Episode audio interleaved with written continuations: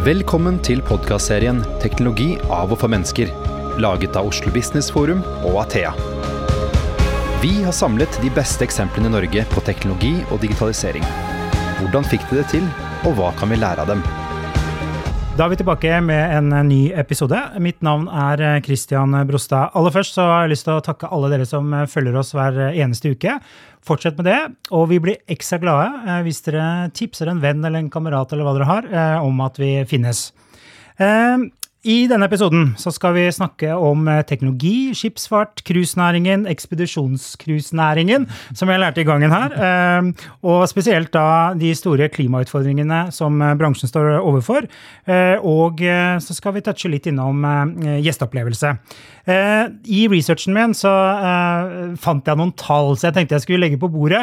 Og så finner jeg litt forskjellige tall, så dere kan jo være med å korrigere etterpå. Og da er det jo sånn at innen 2050 så skal skipsfarten halvere sine CO2-utslipp.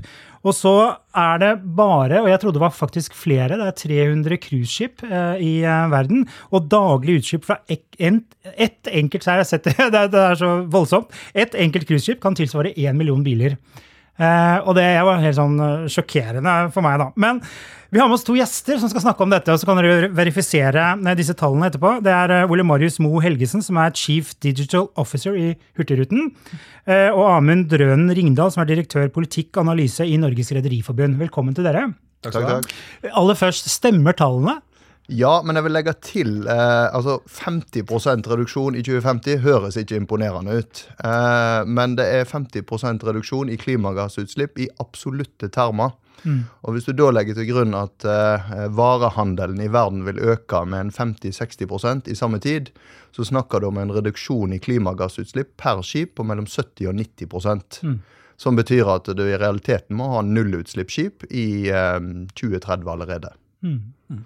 Eh, jeg tenkte eh, vi skulle starte litt sånn høyt eh, og snakke litt om liksom, hva er de største utfordringene næringen står overfor. Jeg vet ikke hvem som har lyst til å begynne. Skal vi ta Rederiforbundet? På vegne av næringen. ja, på, på vegne av næringen. Du kan si Skipsfarten uh, står foran akkurat de samme utfordringene som næringsliv og samfunnet for øvrig. Klima, klima, klima. Eh, prioritet nummer én, to og tre. Mm. Eh, og som jeg var inne på i stad, man skal eh, gå fra en fossilverden til en eh, nullutslippsverden. Eh, bygger man et skip i dag, eh, Hurtigruten andre, så skal man ha da skipet i 20-30, kanskje 40 år i enkelte tilfeller. Så den teknologien som er tilgjengelig i dag, det er den du putter inn i skipet. Så du må se for deg en, en, en utvikling der dette skipet skal endre eh, kanskje motor, eh, nye typer fuel, bygges om flere ganger i løpet av sin levetid. Eh, og dette er en krevende beslutning for rederiene, eh, som gjør at man i dag eh, står foran masse vanskelige valg. I tillegg så bruker man veldig mye energi på og, og, og kunnskap ja, osv. på faktisk å finne dette nullutslipps... Eh, drivstoffet en eller annen gang i fremtiden. Og Hurtigruten gjør jo veldig masse spennende på dette området. Ja, og jeg tenker jo at um, vi er jo en bransje som ikke har vært kjent for å være ledende uh, når det kommer til å, å senke utslippene. Du snakker om uh, hvor mye utslipp det er fra, fra cruiseskip, så er det jo enorm forskjell liksom, både i størrelsen på cruiseskip og hva slags type fuel de bruker. Uh, fra de store gigantene på over 5000 passasjerer, som baserer seg i all hovedsak på tungolje, til det vi driver med, som er skipo mellom 200 og 500, der vi hele tiden prøver å pushe grensene på, på hva er neste innovasjon vi kan gjøre for å få ned utslippene. Um, og det er jo fra uh, grep som er relativt enkle. Vi bytta ut med tungolje til marin uh, diesel. Det gjorde vi for ti år siden. Som er en relativt enkel operasjon. Det er egentlig bare å bytte, bytte drivstoff på, på, motorene.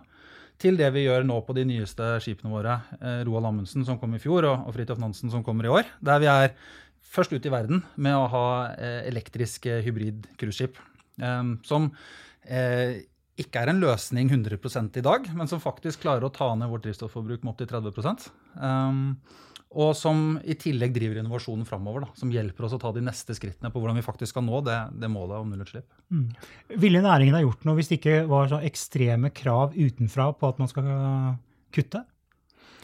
Altså Overordna så tror jeg eh, verden og skipsfarten, altså industrien, har vært gjennom en, eh, en wake-up eh, siste årene i forhold til viktigheten av å redusere klimaavtrykket fra Eh, fra næringen. Men, men, ser du liksom de store globale tallene, så har man hatt en nedgang i utslippene fra eh, 2008, som var finanskrisen, mm. eh, som er én årsak til det. Altså Man rett og slett har tatt overkapasitet i den eh, globale handelsflåten, sier at skipene har gått litt saktere. Eh, altså ikke, ikke gå på full speed, eh, som har bidratt. Men samtidig så har det skjedd veldig mye med det man kan kalle lavthengende frukter. At man bruker skipene på en mer fornuftig måte, mer rasjonelt, mer energieffektivt i dag enn man gjorde tidligere. Mm. Eh, og som lurer på de globale tallene med, med, et lite forbehold er ca. 12% ned eh, i klimagassutslipp i eh, 2008 fram til nå. Mm. Men det er jo det som ligger foran oss, så er kanskje det dyreste og vanskeligste å, å få til. Og da mm. eksempel som, som Hurtigruten, som eksperimenterer, prøver nye løsninger som Eh, ikke nødvendigvis er det billigste du eh, finner i, eh, i, butikken når du skal bygge deg et skip eller drive et skip, mm. men faktisk ønsker å være ledende. Og dette er noe vi ser i Eh, mye av den skipsfarten som vi representerer her i Norge, og i Nord-Europa, vil jeg si. Der man har rederi i eh, samspill med om det er cruisepassasjerkundene sine som etterspør det, eller om det er eh, befraktere som da skal ha flytta gods fra A til B, så stiller strengere krav enn man gjorde tidligere til mm. klimaavtrykket. Og det er en veldig interessant utvikling som Eh, jeg tror Går du to år tilbake, eh, så var bildet et helt annet på dette området. Mm. Og det er, jeg tenker Spesielt for cruisebransjen, der vi lever av alle disse stedene som vi seiler til, så er jo ansvaret som ligger på oss, er jo ekstra stort for å ta vare på det og for å begrense utslippene. Um, og jeg tenker også Bærekraft Vi snakker jo selvfølgelig veldig mye om, om CO2-utslipp i, i disse dager, men for oss er det jo andre biter av det også. Um, redusere engangsplast for eksempel, er noe vi jobba veldig, veldig, mye med og tatt bort på alle skipene våre. Og, ikke minst så er det det å ha et uh, bærekraftig forhold til alle de små stedene vi seiler til. Og dette er, på den ekspedisjonscruisene som vi driver med, så er det ofte små samfunn. Uh, ikke så mye langs norskekysten nødvendigvis, men hvis vi seiler til, gjennom Nordvestpassasjen, eller vi seiler uh, i Alaska eller på Grønland, så er det, er det små samfunn. Og det å komme dit med et sånt kjempecruiseskip med 3500 passasjerer som dumper ut, eh, og som skaper totalt kaos i, i, i, to timer før de drar igjen uten nesten å legge igjen noe som helst, mm. det er jo ikke en bærekraftig måte å, å drive, drive cruise på. Så vi prøver også der da, å ta liksom, et ordentlig ansvar og jobbe sammen med de forskjellige stedene vi reiser til, forskjellige lokalsamfunnene. Eh, sånn at de skal ønske oss tilbake, ja, istedenfor at de ber oss dra dit pepperen gjør. Mm. For det er jo skrekkscenarioet. Svære båter som kommer til havn, legger ikke igjen fem øre. Mm. Forurenser. Ikke er det kanskje landstrøm heller. Ja. Og det kommer du til å se at uh, flere og flere steder, små samfunn, eh, store og små egentlig, kommer til å si nei. At de aksepterer ikke at disse kjempecruiseskipene kommer uten å legge igjen noe som helst. Mm. Nei, og, og, det, og, det, koker jo på et vis ned til en sånn license to operate. Ja, uh, så, så, du kan si Jeg tror selskapene sjøl, om det er Eh, enkelt rederi eller ja, nesten altså Hele samfunnet vil jo i større grad stille de kontrollspørsmålene. Hva er avtrykket av den virksomheten du, eh, du driver? Og om vi kjøper et par joggesko for eksempel, som er produsert i Kina, så ønsker vi eh, å vite noe om totalavtrykket på logistikken, produksjon osv. for å ha være en bevisst forbruker og kunne på en måte ta sin del av den store klimadugnaden med eh, ja, alle må ta et visst ansvar for mm. eh, fremover. Mm. Og du nevnte jo Amund, at eh, det er dyrt. Jeg leste et tall 7 milliarder, så ja. Dere mm. i Hurtigruten skulle bruke på å fikse problemene her, eller? Ja, er vi, og der er det jo det er Mye penger? Det er jo store investeringer når du mm. snakker spesielt hvordan du skal drive skipene framover. Um, og der er det jo det er en lang rekke ting. Det er fra det å bygge hybridmotorer, som vi, som vi har starta med, til konverteringer til LNG. Eh, og da er det også Hva er LNG? Det, det er uh, gass. gass. Mm. Uh, og da er også spørsmålet hva slags type gass man seiler på. Uh, og der er det jo Den enkleste er jo å kjøpe egentlig fossilt, fossil gass og seile på det. Men det vi har gjort, gjør i Norge, er jo å samarbeide med en lokalleverandør som leverer biogass. Så da er det avfall fra f.eks. fiskeindustrien mm. som brukes til å produsere gass, som igjen kan få båtene til å gå framover. Men alt dette er jo kjempeombygninger som tar enormt med eh, planleggings- og gjennomføringsressurser for å få til. Det, det som er kult med biogass, eh, for det, dette er jo teknologi, store investeringer. Altså Biogass kan du faktisk, eh, riktig fremstilt, ha et negativt karbonavtrykk med. Ja. Eh, og det er ganske viktig når vi snakker om eh, ulike typer gasser, vi snakker om nye fuel osv.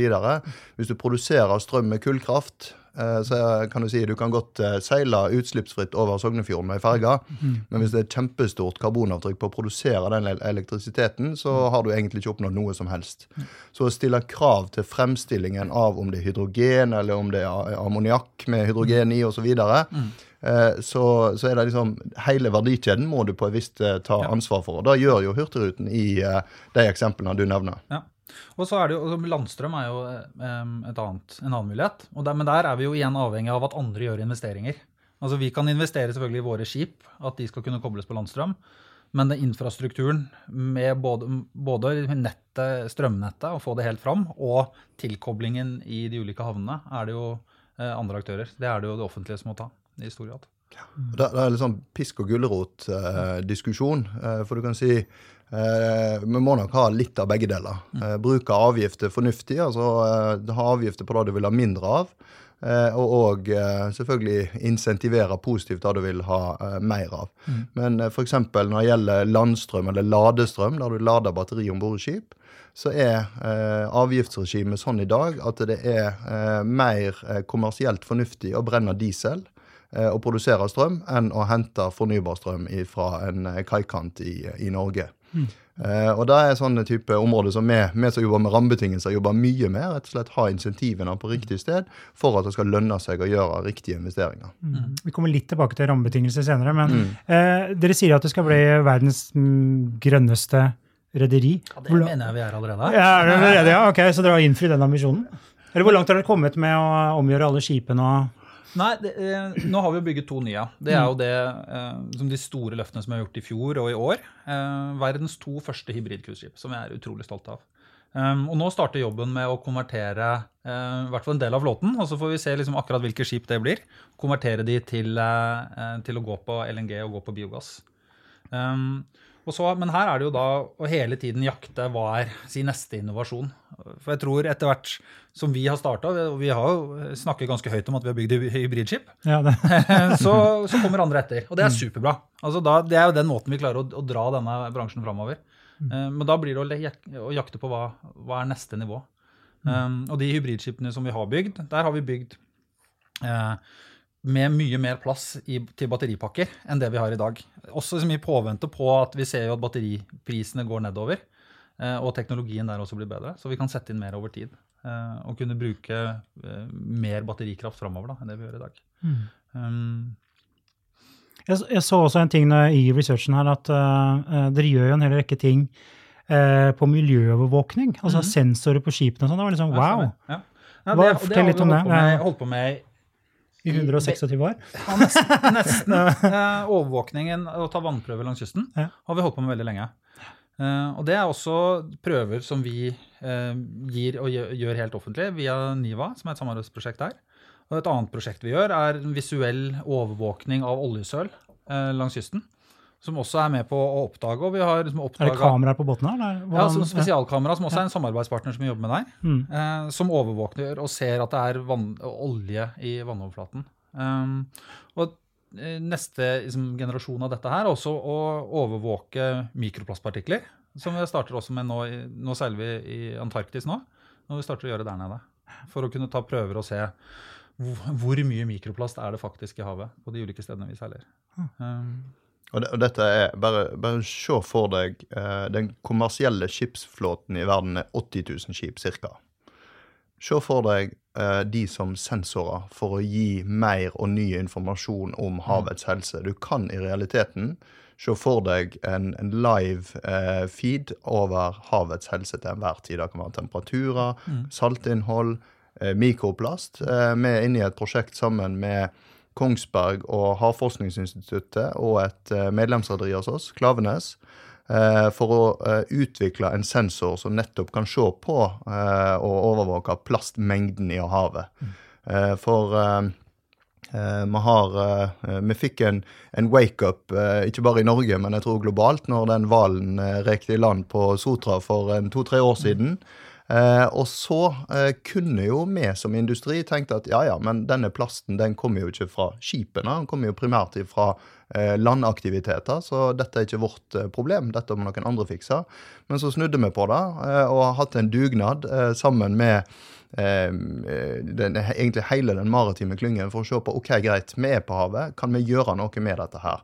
Én ting er overvåkning. Eh, neste vil jo være faktisk eh, å, å, bidra til fysisk å plukke opp en del av denne plasten som flyter rundt i havene. Eh, vi har hørt om disse her eh, gyroene, eller hva det blir kalt for, langt ute i Stillehavet med enorme plastmengder. Har vi eh, kapasitet og å plukke opp en del av dette og få det resirkulert på eh, forsvarlig vis, men òg ikke minst det som jeg vet dere selger det var nesten som et produkt, med at passasjerene er og plukker plast i, i strendene. Ja, altså det er jo um, Hurtigruten som cruiseprodukt. Vi, vi, vi, mener jo, er ganske sikre på at det er ganske annerledes enn de fleste andre cruise. At er, Fokus er ikke så mye på, på, show og dans, og det er ikke noen kasinoer eller noen ting, men uh, det er en opplevelse av natur, selvfølgelig. Og så er det forskningsbiten i det som er kjempeviktig for oss. Og en del av den forskningen er med plast å gjøre. Og, det, og der gjelder det å involvere gjestene mest mulig. Og en av den måten vi involverer på, er akkurat som du sier, det er å rydde plast. Mm. Så vi har med gjester ut på strender, og de rydder. Og vi får jo feedback fra gjestene våre som sier at liksom, det har vært en oppvåkning. Altså, jeg går, liksom, forlater cruiset, og jeg lever på en annen måte etterpå enn før jeg reiste med dere. Og det er jo bare man blir jo rett i ryggen og veldig stolt selvfølgelig når man hører sånt. Mm. Til og med stormen i Nord-Norge som har vært siste tiden, ja, har jo gitt positive gjesteopplevelser, det jeg har hørt. Det. Ja, det er, det er uh, um, autentisk, i hvert fall. Å oppleve en ordentlig, ordentlig storm langs kysten. Nei da, men det er Vi hører jo gjestene eh, som er, er om bord, og de forteller oss enten eller til oss eller til andre på Facebook eller hvor det er, at eh, opplevelsen er fantastisk. At den er fortsatt helt eh unik, og det er autentisk. Med liksom en virkelig norsk vinterstorm langs, langs kysten. Og skryter selvfølgelig veldig mye av, av eh, crewet vi har om bord, som tar veldig gode avgjørelser hele tiden. At uh, mm. De ligger til kai når de skal ligge til kai, og de går når de kan gå. Og så mm. er det vanskelig å unngå at det er litt vulger ute på norskekysten i de, de månedene her. Det er jo en perfekt overgang eh, til å snakke om eh, førerløse skip, autonome skip, som er liksom litt hypa på mange ferger rundt omkring i Norge, og når kommer det osv. Men situasjoner i den stormen i Nord-Norge, hadde det funka med førerløs jeg, jeg, tror ikke vi skal være først ute med den teknologien. I hvert fall. Jeg stoler, stoler på mannskapet eh, der i lang tid. Jeg tror det er andre skip der førerløse eller autonome skip kan være mye bedre scenario. da. Mm. Ja, altså, Vi liker jo å være stolte i Norge over at vi er først og fremst osv., men dette er faktisk et område der vi er eh, først ute, eller lengst fremme i verden, i hvert fall. Eh, vi har eh, i Norge nå to konkrete prosjekt, i alle fall som er kommet lengst. Det er Yara Birkeland, mm -hmm. som er ikke noe enkel operasjon. Han skal las, lastes automatisk eller autonomt. Og han skal da legge fra kai, gå et godt stykke ut til neste kai, og så tror jeg lossingen der er vel noe mer manuell. Eh, men eh, det høres lett ut. Eh, det er en veldig krevende operasjon. Men da skipet skal altså flyte i løpet av dette året, vil ha folk om bord i starten, og så komme videre. Og så har ASKO et prosjekt over Oslofjorden. Det som er interessant med det, for jeg nevnte i stad at 80, er, nei, 80 000 skip er liksom den globale kommersielle skipsfarten. Å se for seg at de er førerløse sånn i overskuelig fremtid, det tror vel få på. Men at du vil ha enkeltdistanser, enkeltområder, der du vil ha helautonome uh, operasjoner. altså Der de rett og slett bare er overvåka fra land, men de gjør uh, jobben uh, helt på egen hånd. Og man har mennesker kanskje som griper inn hvis noe går galt. da vil man se enkelteksempel på. Men det jeg tror som er viktig, det er at man utvikler en veldig spiss teknologi for noen enkeltprosjekt men å benytte seg av enkeltelementer da i uh, Hurtigruten sin uh, produksjon av uh, sine tjenester og andre osv. For det er jo egentlig den utviklingen vi har hatt i skipsfarten de siste 40-50 årene. Antallet folk om bord eh, blir redusert, flere og flere operasjoner blir automatiserte. Mm -hmm. I dag så må du ikke f.eks. ha et menneske som sitter og kontinuerlig overvåker maskinrommet kanskje en gang i fremtiden, eh, og ikke så langt fremme, så vil eh, ikke man eh, ha et regelkrav om at man skal ha et menneske på broen på et skip. F.eks. hvis du krysser Stillehavet. Mm. Men at det er alarmer som gjør at mennesker kan gå inn og overstyre hvis det skulle være behov for det. Så det vil nok være ulike ledd i den type eh, hypen, som man kaller eh, autonom, men automatisering imellom eh, i veldig stor grad. Og Det er jo drevet av at vi får billigere og mer tilgjengelig teknologi. Eh, og selvfølgelig et ønske om å redusere kostnader, og kanskje til og med øke eh, mm. sikkerheten i mange tilfeller. Jeg tror jo, som du sier, altså, altså Del av teknologien, et skritt på veien, er jo liksom, beslutningsstøtte. For at du skal mm. kunne ha liksom, autonome skip, så må de naturlig nok ta gode beslutninger. Og et skritt på veien er jo å gi den informasjonen tilgjengelig til mannskapet om bord for å ta enda bedre beslutninger. Ja. Og det tror jeg er mye nærmere, og det er det mange som gjør delvis allerede. Ja. Absolutt. Eh, og, og, vi og andre kan ta i bruk i enda større grad.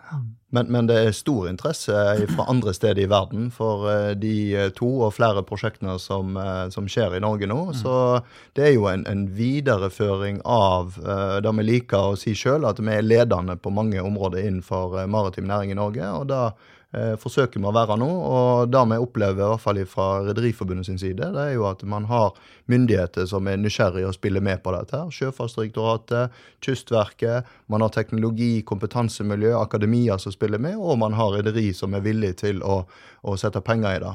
Eh, men, men, jeg kan jo legge til én ting. for eh, jeg nevnte de to mest kjente prosjektene i Norge er jo ikke tradisjonelle rederi.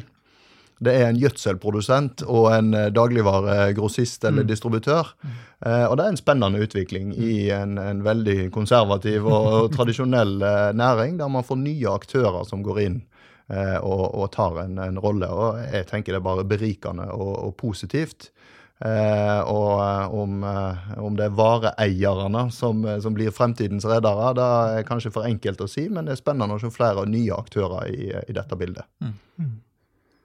Og så tenker jeg kanskje bare jeg har sett på film, da, men jeg tenker hvis du kvitter deg med kapteinen på et cruiseskip, eh, kommer ikke kapteinen og hilser på passasjerene under middagen, eller er det, er det ikke sånn? Nei, heldigvis, heldigvis, er det flere som kan stå på broa enn kapteinen. Ja, okay. ja. eller, eller, eller, autonome passasjerer. Ja. Over en robot, liksom. Ja.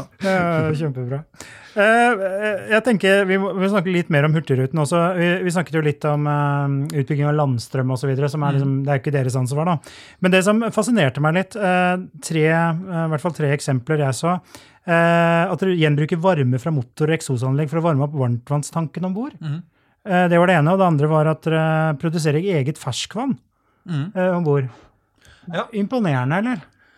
Eller er dette hele vanlig standard for oss vanlige dødelige, da? Så tenker jeg Nei, altså no, Noe av dette her er jo som, eh, ting som andre også gjør. Ja. Og så må man jo hele tiden ta noen skritt videre. Det, det jeg synes er kanskje de morsomste av disse eksemplene, er jo de der initiativet kommer fra våre ansatte. Ja. Det eksempelet med, med engangsplast hos oss, som vi har kutta helt fra alle våre skip, det var en av våre ansatte. Der hvor var, uh, vår sjef var om bord på skipet, og hun var fast bestemt på at dette funka jo ikke. Vi kunne ikke stå her og snakke om bærekraft. Og så drev vi og hadde masse engangsplast som vi liksom, pakka inn varer eller mat eller hva det skulle være i. Og hun, gjennom å ta liksom, et initiativ, fikk i gang en stor endring. Nå er vi, ikke et, vi er ikke et kjempeselskap, men vi er et ganske stort selskap. Um, som vi gjennomførte liksom, i løpet av et, et halvt års tid. Uh, og det viser jo at Altså, det er, det er, de initiativene fra de som ser, liksom ser problemene og ser at her kunne noe vært gjort, gjort bedre. Og liksom Ta tak i det og få, få, det opp, og så en organisasjon som klarer å ta tak i det og levere på det. Det er, spennende. Mm. Imponerende. Eh, hva betyr uh, Hurtigruten som selskap for næringen? For jeg tenker Det foregår jo masse initiativer i, mange rederier, antageligvis.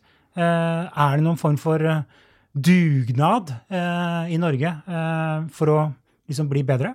Ja, altså, du kan si eh, om eh, sånne som meg, da, som jobber i Rederiforbundet, en organisasjon, jeg kan jo i realiteten bare prate om ting. Eh, og for at eh, det skal være noe substans i min prat, så er vi avhengig av å ha medlemmer som er fremoverlente, og som ønsker å få til en en, en, endring, og er villig til å sette pengene sine i mm. det. Og, og gjør OK, eh, engangsplast, kanskje symbolsk, men det er et viktig signal eh, å sende. Og i tillegg så gjør man jo veldig mye på eh, klimaområdet, hvis man kan si det sånn, med hy, altså hybride løsninger, der man eh, tester ut eh, null- og lavutslippsteknologier, går veien ned biogass, som ingen andre har gjort før.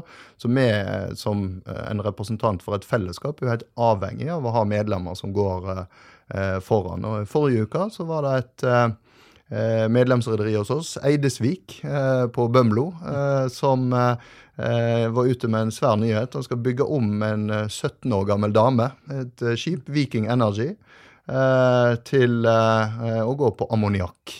Som da vil kunne redusere utslippene med eh, kanskje opptil 90 eh, Veldig, veldig spennende. Så du overoppfyller eh, de langsiktige målsetningene både til Norge og til den globale skipsfarten bare med enkle grep på eksisterende skip. Og det er der vi er nødt til å være. eh, Og du kan si et enkeltrederi eh, som eh, eh, som Eidesvik, som leverer tjenester til eh, primært eh, norsk sokkel, er jo avhengig av å ha en kunde som er villig til å være med på et sånt eh, løp. Eh, og det, det er viktig i, eh, både for eh, cruisepassasjerene dine, sånn at å verdsen, verdsette et sånt, en sånn type investering, og være villig til å kanskje betale det lille ekstra det måtte være i den type investeringer. Men òg de som kjøper tjeneste eller kjøper frakt, at de er villige til å betale den ekstrapremien som det i veldig mange tilfeller er på eh, grønne løsninger per i dag.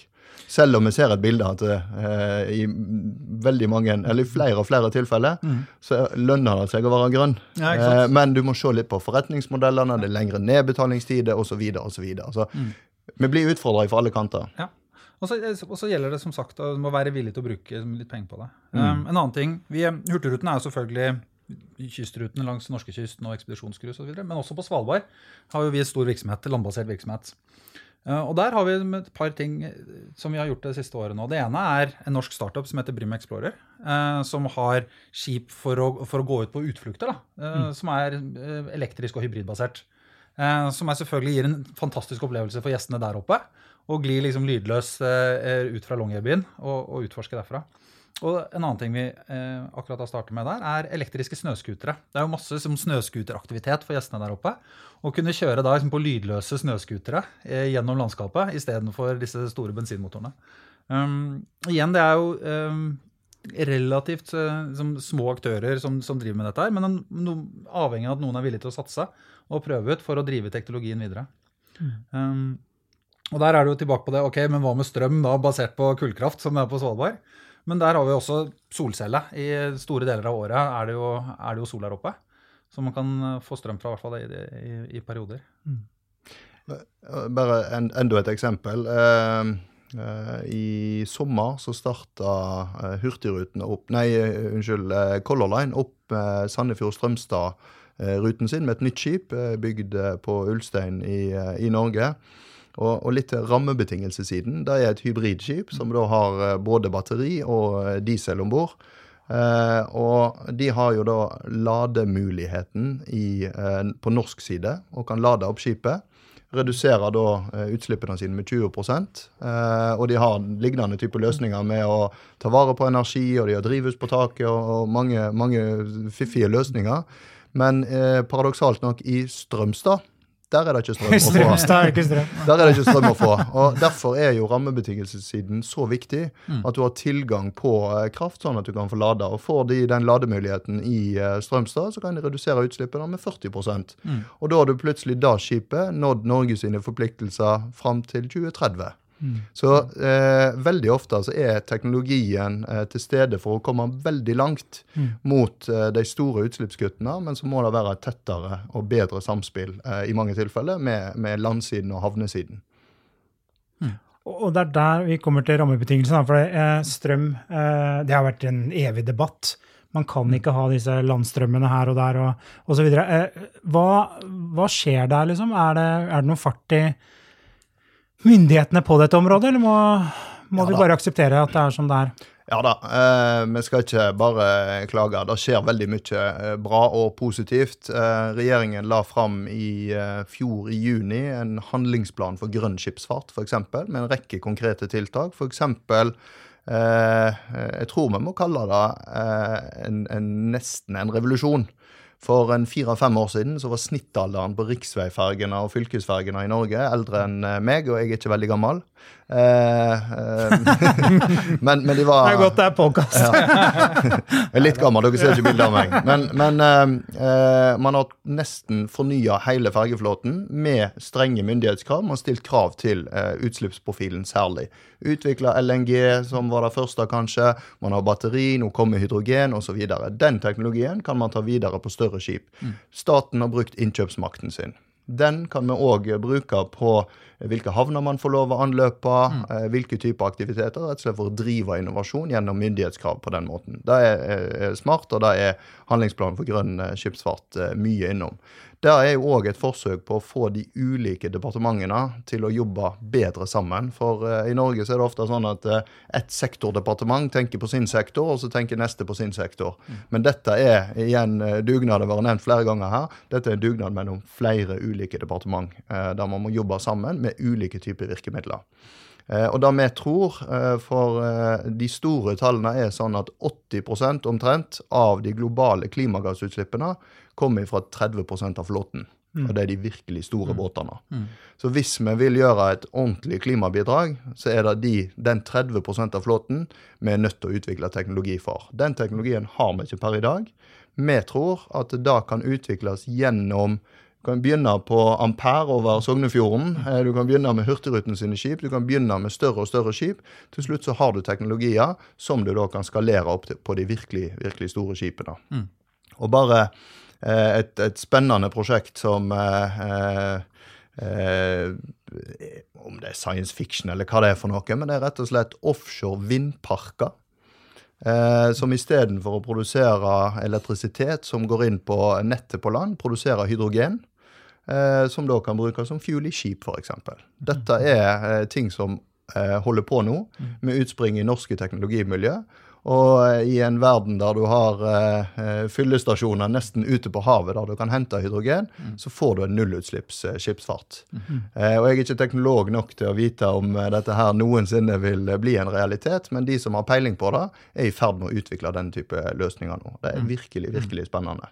Og så skal vi huske på at omtrent 85 av alle varer i hele verden har vært på et skip. Altså 85% av eh, eller vareflyttingen i, i verden. Eh, de 85 står for 2,3% av klimagassutslippene. Så det er en veldig klimavennlig måte å frakte varer på. I en global verden med global handel så er det fornuftig å ha skipsfart. Men likevel så skal vi redusere eh, klimagassutslippene, og da er det denne type løsninger vi må få til. Og det er jo, som du sier, det er jo et samarbeid mellom myndigheter gjennom at de gjør investeringer eller gjør reguleringer, men også at bransjen er villig til, til å satse. Til å se hva er de nye aktørene, hva er de nye mulighetene som kommer fram, og, og villig til å prøve ut og faktisk bruke penger på det. Og der, eh, i hvert fall når jeg skal snakke for cruisebransjen, så har bransjen tradisjonelt vært veldig dårlig. At de, er, eh, de blir venter på reguleringer, og så blir de dratt etter skrikende eh, på å gjøre endringene. Men, men da har jeg faktisk en gladnyhet, for jeg er helt enig. Eh, shipping er jo eh, kjent for å være litt sånn konservativ og kanskje ikke rope etter reguleringer. Uh, i, uh, like før jul så var altså den globale skipsfartsnæringen var ulike organisasjoner, da, men til sammen er i praksis hele den kommersielle skipsfarten i verden ba om å få påført en avgift. Eh, og det er en eh, jeg vil si også en eh, norsk eh, nesten oppfinnelse, en norsk eksportør. Og det er å pålegge en avgift, riktignok liten, eh, avgift på bunkers, som skal gå inn i et fond som ligner veldig på det norske NOx-fondet. Rett og slett en selvpåført avgift som skal da kunne finansiere forskning og utvikling, og òg konkrete tiltak i, i skipsfarten. Får man gjennomført det, og her er det industrien som pusher eh, IMO, da, som er FN-organisasjonen for skipsfarten. Eh, får man gjennomført det, så snakker man om eh, 5 milliarder kroner eh, i året eh, i første omgang. Eh, og eh, nå er det det man er enige om, men da er det jo gode muligheter, hvis dette virker, til å skru opp en sånn type avgift som eh, kan eh, bringe oss mye raskere til eh, den 50% halveringen som vi snakket om i starten, eh, enn det som det ligger an til i dag. En, et annet perspektiv er også, for det, nå blir det jo mye som teknologi som muliggjører Mm. sånn at skipene blir nullutslipp osv. Eh, men eh, gjesteopplevelsen Nå skal dere ikke kvitte dere med nei, kamp, kapteinen, da, så han skal jo vasse rundt i, i kantina. Men uh, hva, hva gjør dere, hvordan anvender dere teknologi for å liksom, øke Nei, altså det, det er jo eks ekstremt eh, viktig. Eller hvis du ser hva, hvorfor reiser folk med Hurtigruten, det er jo flere grunner til det. Det, det viktigste, eller det originale, er jo selvfølgelig kystbefolkningen. Å ha en god måte til enten å frakte seg selv eller frakte varer mm. opp og ned langs kysten. Eh, og for de så handler det mye om effektivitet. At vi må bruke teknologi. og Det er apper for å booke og for å se ruten og hvis det er noe avvik og alt det som, som du forventer av et eh, rute, rutekontrafikk. For i hvert fall utenlandske eller, eller norske cruisegjester, så er det jo noe annet der. Hvordan, hvordan kan man bruke teknologi til å bygge opp under hele opplevelsen? Da? Og der er det jo mye spennende man kan gjøre. Mm. Um, vi snakka litt om det å knytte, knytte forskningen inn i det. At man kan samle data, og vi kan, vi kan vise og dele dataene som skipet du seiler på, samler inn underveis. Um, og noe annet vi har på de, på de nye skipene våre, og de vi pusser opp, er ulike kameraer, rett og slett. Eh, I lang tid så har vi jo seila med sånn webkamera som er litt sånn grovoppløselig fra broa, så du kan se hvor det er, og det er jo spennende nok i seg selv. Men noe av det vi har satt inn i det siste, det er et par ulike ting, og nå, dette, nå kommer vi på teknologi, så nå smiler jeg. Dette er moro. Men um, uh, vi har, vi har ett et kamera som tar et sånn 360 graders bilde hvert tiende minutt. Og det har en oppløsning uh, på 100 megapiksler. Så du kan liksom zoome inn på de bitte små detaljene. Så da kan du følge disse skipene som nå ligger i Antarktis for eksempel, og se på hvordan det er, og du kan se pingvinene, og du kan få med deg alt som skjer. Um, og det kan du følge med på hjemme, eller du kan se det på skipet da kan du, når du er om bord. Et annet som vi, som vi holder på å bygge, som ikke er om bord ennå, men som kommer snart, det er det heter gyrostabilisert kamera. Altså i praksis, det er et kamera som tar høyde for bølgene, og så har det også en sånn kjempe-zoom-effekt. Så det, vi seiler rundt, og så seiler vi forbi veldig mye, eh, veldig mye dyr, spesielt som, som gjestene er interessert i. Det kan være Svalbard, nei, isbjørn eh, på Svalbard, eller det kan være pingviner nede i Antarktis, eller det kan være hvaler. Veldig mye forskjellig. Ofte så er det, jo, er det jo et stykke unna. Det vi kan gjøre Da da kan vi zoome inn liksom på to kilometers avstand, og så kan du se pelsen på isbjørnen. Og så kan du få det inn på lugaren din, og så kan du se må ligge i senga da, og Ligge i senga og ta en drink. Ja. Men det er jo også, som, liksom for å bygge opp under den naturopplevelsen man har, da, og gjøre den enda sterkere, enda mer opplevelse, som, eh, som selvfølgelig gjestene syns er supert. Mm. Um, og så er det jo ok, hva mer kan man gjøre? Jo, du kan få det på appen din, så du ikke bare kan du ligge i lugaren, men du kan sitte og spise lunsj, og så får du et liksom, varsel opp, nå er det isbjørn, og så får du det opp på telefonen din at nå, nå er det bilde av isbjørn, eller nå filmer vi en isbjørn som vi seiler forbi. Um, eller så er det rett og slett liksom gjøre det enklere.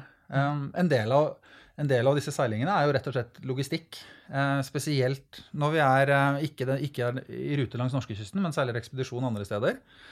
Så tar jo mannskapet hver dag en vurdering av hvor kan man lande. Eh, de ser på værforholdene og de ser på isforholdene for å finne ut Vi skal gjerne lande et sted, men det er ikke sikkert det går bra. Og så er det ikke sikkert vi kunne gå inn på det tidspunktet de planla, kanskje blir det litt senere. Så da er det en del logistikk. For når de først kommer dit, så må passasjerene være der til rett tid. De rette passasjerene. Og så skal de på land, og så skal de ha en aktivitet på land, og så skal de tilbake igjen på rette tidspunktet. Mm. Da kan du, også teknologi. altså Det er jo så enkelt som at du har en app på telefonen din som forteller deg akkurat hvor du skal være. Mm. Så, så gjør dette her lettere. Så slipper du å bruke tid på det, eller du slipper å stå i kø. Eh, men igjen, du kan bruke mer tid på, på opplevelsen. Mm. Um, Hvordan finner du ut hva gjestene vil ha? Er det liksom eksperimentering? Ja, det er, eksper- det er å snakke med dem. Uh, så vi har jo eh, team som jobber med dette her, liksom på, på andre, alle som jobber med digitalisering. Eh, og der man, hvis du jobber med eh, bank f.eks., så går du utenfor bankfilialen din og så snakker du med kundene som går forbi der. Så har vi folk om bord på skipene som ser hvordan gjestene har det om bord, og hva som er utfordringene de har, og som snakker med dem, og hvordan kunne din opplevelse blitt bedre eh, i det du gjør her. Og så hjelper det oss til å sette våre prioriteter på, på hva vi skal gjøre. Spennende. Veldig gøy. Har du eh, kjørt med Hurtigruten? Det har jeg, eh, men ikke med ekspedisjonsdelen. Jeg har kun eh, brukt eh, bussen langs eh, kysten, men eh, det er jo eh, veldig, veldig gøy. Jeg har ikke tatt hele turen. Jeg har tatt den litt sånn stykkevis og delt, men det, det er jo et fantastisk spennende produkt. Det er, det er fantastisk, og det er eh, som all ære til de som, som har gjort det til det produktet det er i dag. Eh, for det er jo Hvis vi skal eh, være ærlige, så er det jo ikke, det jo ikke så sentralt for kystbefolkningen som det en gang var. For noen så er det det, men ikke for så mange som det var. Så, så i dag så er man jo helt avhengig av turismen for at dette skal være, eh, være noe som kan drives.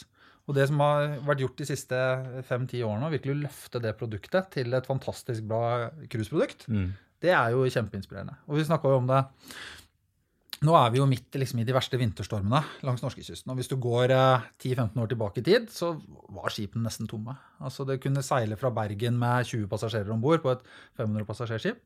Og nå er de nesten fulle. Og gjestene syns det er en fantastisk opplevelse. Ligger og spyr på lugaren, men Men allikevel er det helt topp. Ja, det helt topp. Ja. Um, og det gir jo selvfølgelig oss som selskap og som rederi mulighet til å investere i nye ting. Da. Til å investere i nye skip, eller til å investere i all denne kule teknologien for å ta produktet videre de neste hakkene. Så det er kjempespennende. Og, og, og dette er jo, eh, Dere gjør en kjempegod jobb, og det, det er jo et globalt sterkt voksende marked. Altså, eh, OECD lagde for noen år siden en, en rapport som heter The Ocean Economy i 2030. eller noe sånt. Eh, og den sterkest voksende havnæringen, eh, hvis du tar alle næringer som har med saltvann å gjøre, er jo nett, nettopp eh, og ekspedisjonscruise. Så, så vår eh, hunger som, men, så, som menneske, hunger etter opplevelser, eh, blir sterkere og sterkere. Og da kunne gi, gi folk det de vil ha, Ja. eh, som dere har klart, er jo fantastisk. Ja, veldig. Og så er det klart det endrer seg over tid. At eh, nye gjester kommer, nye generasjoner kommer med nye krav. Nye forventninger om hva de skal, eh, skal oppleve om bord. Ja, altså jeg, jeg må liksom ikke bli pensjonist for å reise på ekspedisjonskurs? Nei, ikke Nei. sant? Altså, Gjennomsnittsalderen på, blant liksom, cruiseturistene på, på, langs kysten den, den er jo fortsatt ganske høy. Så ærlig skal vi være. Men uh, den blir lavere, og den er jo enda lavere på ekspedisjonscruise. Ja. Og der har man jo helt andre forventninger til, til, til teknologi. Og hvordan det er liksom en integrert del av hverdagen. Mm. Um, bare det folk er jo Antarktis, og de forventer å sjekke mail, akkurat som de sjekker mail eh, liksom hjemme. Eh, og det er jo en større utfordring i Antarktis enn det er eh, i Oslo. Eh, Jeg tenker, Vi må snart avslutte, eh, men eh, hvis dere skulle liksom nevne én eller to ting, liksom, hvis vi snakker om fremtidens næring, da, hva vil dere liksom fremheve da? Skal vi begynne med Rederiforbundet? Ja, nå, nå sukker jeg, men det var rett og slett fordi det, var, det er vanskelig å velge. Nei, altså, fremtidens næring Jeg tror, eh, i hvert fall hvis du leser da fokuset som er i næringen nå, så er det å håndtere eh, klimautfordringen. Eh, og det er for skipsfarten å få ned utslippene av klimagasser fra skipsfart. Det er en formidabel jobb. Men jeg vil si med positive fortegn, fordi at det gir oss fantastiske muligheter til å utvikle ny teknologi, nye arbeidsplasser, nye muligheter. Eh, Vi vi som eh, sjøfartsnasjon er jo stolte over historien vår, men jeg tror at hvis vi 50 år frem i tid ser bakover eh, de eh, årene som ligger imellom eh, nå og da, eh, så vil vi ha landa på månen mange ganger når det gjelder teknologiutvikling. Og den reisen eh, syns jeg er fantastisk spennende å være med på. Og litt av eh, eh, Kanskje det som er ekstra spennende, det er at det er ikke en enkelt løsning vi jager. Det er mange forskjellige løsninger for å få ned eh, klimagassutslippene fra, eh, fra skipsfarten. Så eh, jeg er veldig glad og heldig som får lov å, å jobbe med det fra den siden jeg jobber. Så jeg tror jeg vil si klima. Mm. Jeg, jeg tror også det, og jeg tror liksom bærekraft i et, et enda større perspektiv, spesielt for cruisenæringen. Altså det er Det må være bærekraftig i den forstand at dette er noe man kan fortsette med og fortsette med. og fortsette med. At det er ikke noe der du ødelegger naturen rundt deg, eller ødelegger land, eh, byene du reiser til, eller de små tettstedene du reiser til. Men eh, um, vi, må, vi må ta vare på klimaet, ta vare på stedene, ta vare på folkene som hjelper oss å levere produktet, egentlig. Da skal vi snoke litt i deres digitale privatliv. Dilemma. Bli kjent med gjestene ved å snoke i deres digitale liv. Hva gjør de egentlig på nettet, og hvilke favorittapper har de? Se på TV eller streame. Instagram eller Snapchat. Dilemma. I teknologi av og for mennesker. Eh, nå skal jeg gi dere eh, ti eh, dilemmaer. Eh, det er to alternativer, da. Og så skal dere velge et av de. Og det er ikke lov å velge ikke noe, eller velge noe annet enn det jeg sier. Så hvem vil starte? Kan starte, jeg? Ja. Eh, den er veldig ufarlig. Eh, Instagram eller Snapchat? Eh, Snapchat. Snapchat. Snapchat. Hva gjør dere der? Jeg Nei, vi går på neste. Eh, Amund, eh, tog eller flyreise? Eller båt, burde jeg kanskje sagt. Ja, hva var, nå var det tre alternativer. Nei, det var to. Jeg trekker det ene tilbake. Tog eller flyreise? Nei, Der er jeg praktisk. Jeg velger fly. Flyet? Mm. Ja. Får du dårlig samvittighet? Det er jo litt skam. Nei, jeg gjør ikke det. Nei. Nei. Hva med deg? Ja, T-bane. T-bane? Jeg, jeg tar toget på jobb, ja. men hvis jeg skal til Vestlandet, så tar jeg fly. Da tar er du det meg. fly. Ja, ok. Eh, Ole Marius, eh, emoji eller tekst? Av tekst. Mest tekst. Mm. Tar du og hiver inn en emoji her og der? Jeg gjør det. Spesielt til barna mine. Ja, Det er viktig. Ja, Det var ikke lov å si begge deler, så hvis jeg må velge, så er det tekst. Tekst, ja. Ja. Men du gjør det samme som Ole Marius? Ja, Men jeg er nok litt gamlis, eh, så jeg eh, er mest på tekst. Den fjerde, eiebil eller leiebil? Eiebil. Ja, jeg er. Eiebil. Ja. Mm. Har dere elbil? Ja. Ja. Nei. Diesel? Hybrid. Hybrid, faktisk. Jeg, jeg har diesel, jeg tør ikke å si det, men Jeg har kjørt elbil siden folk syntes det var koselig at man kjørte elbil. Når du kjørte forbi liksom i den blå tinken, da syntes folk det var hyggelig. Men min neste bil blir en eh, elbil. og Det er rett og slett fordi jeg er en avgiftsopportunist. ok. Ja. Den kan vi ta en egen, egen episode på. Eh, ringe eller sende meldinger? Sende melding. Jeg får svare ringe, da. Er du flink til å ringe?